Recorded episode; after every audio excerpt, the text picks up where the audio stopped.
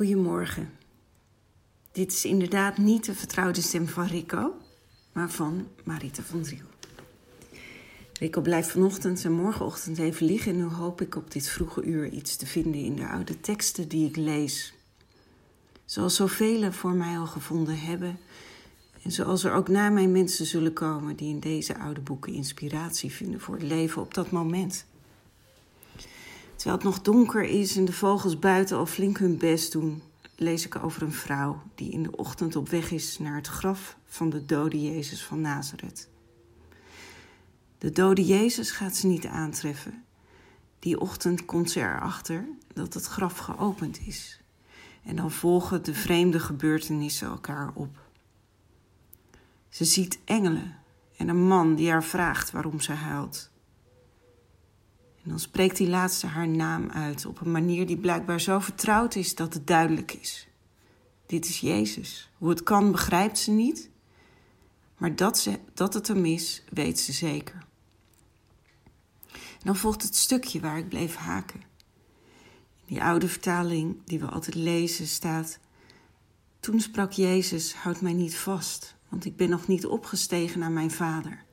Maar ga naar mijn broeders en zeg hun: Ik stijg op naar mijn vader en uw vader, naar mijn God en uw God. Maria Magdalena ging aan de leerlingen berichten dat zij de Heer gezien had en wat hij haar gezegd had. Ik bleef haken bij dus het zinnetje houd mij niet vast, raak me niet aan. Staat er in andere vertalingen. In deze tijd van social distancing krijgen die woorden een heel andere lading. De ander niet mogen aanraken is misschien wel het grootste gemis deze dagen. Een single vrouw vertelde mij door de telefoon dat ze al een maand door niemand was aangeraakt en hoe erg ze dat miste. En zelf kon ik vorige week mijn moeder, die een flinke val had gemaakt, niet omhelzen.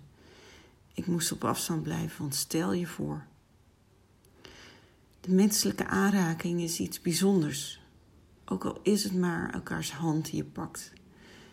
Het geeft een diepere verbinding, even die korte aanraking.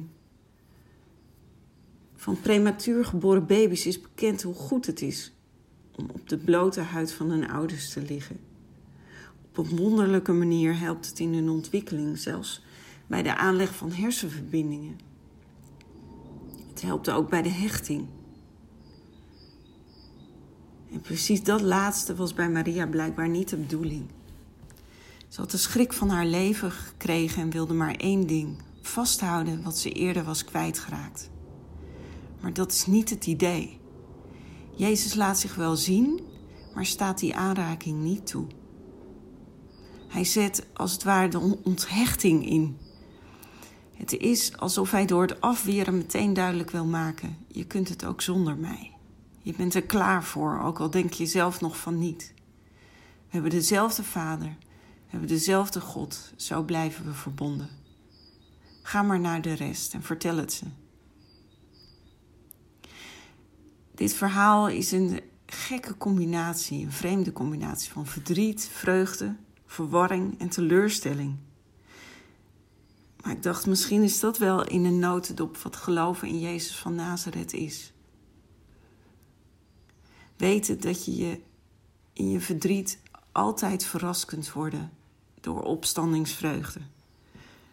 Maar ook als je denkt dat je het kunt grijpen, het niet vast kunnen pakken, het niet vast mogen pakken. Daar is het niet geschikt voor. Dan zou je Jezus in de weg kunnen staan. Je moet het zelf doen op basis van de lessen die Jezus leerde en erover praten met anderen. In de wetenschap dat je verbonden bent met diezelfde Vader.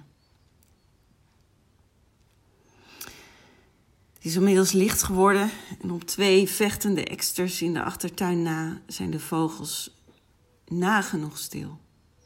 Het is tijd om naar de anderen te gaan. Ik wens je voor vandaag vrede en alle goeds.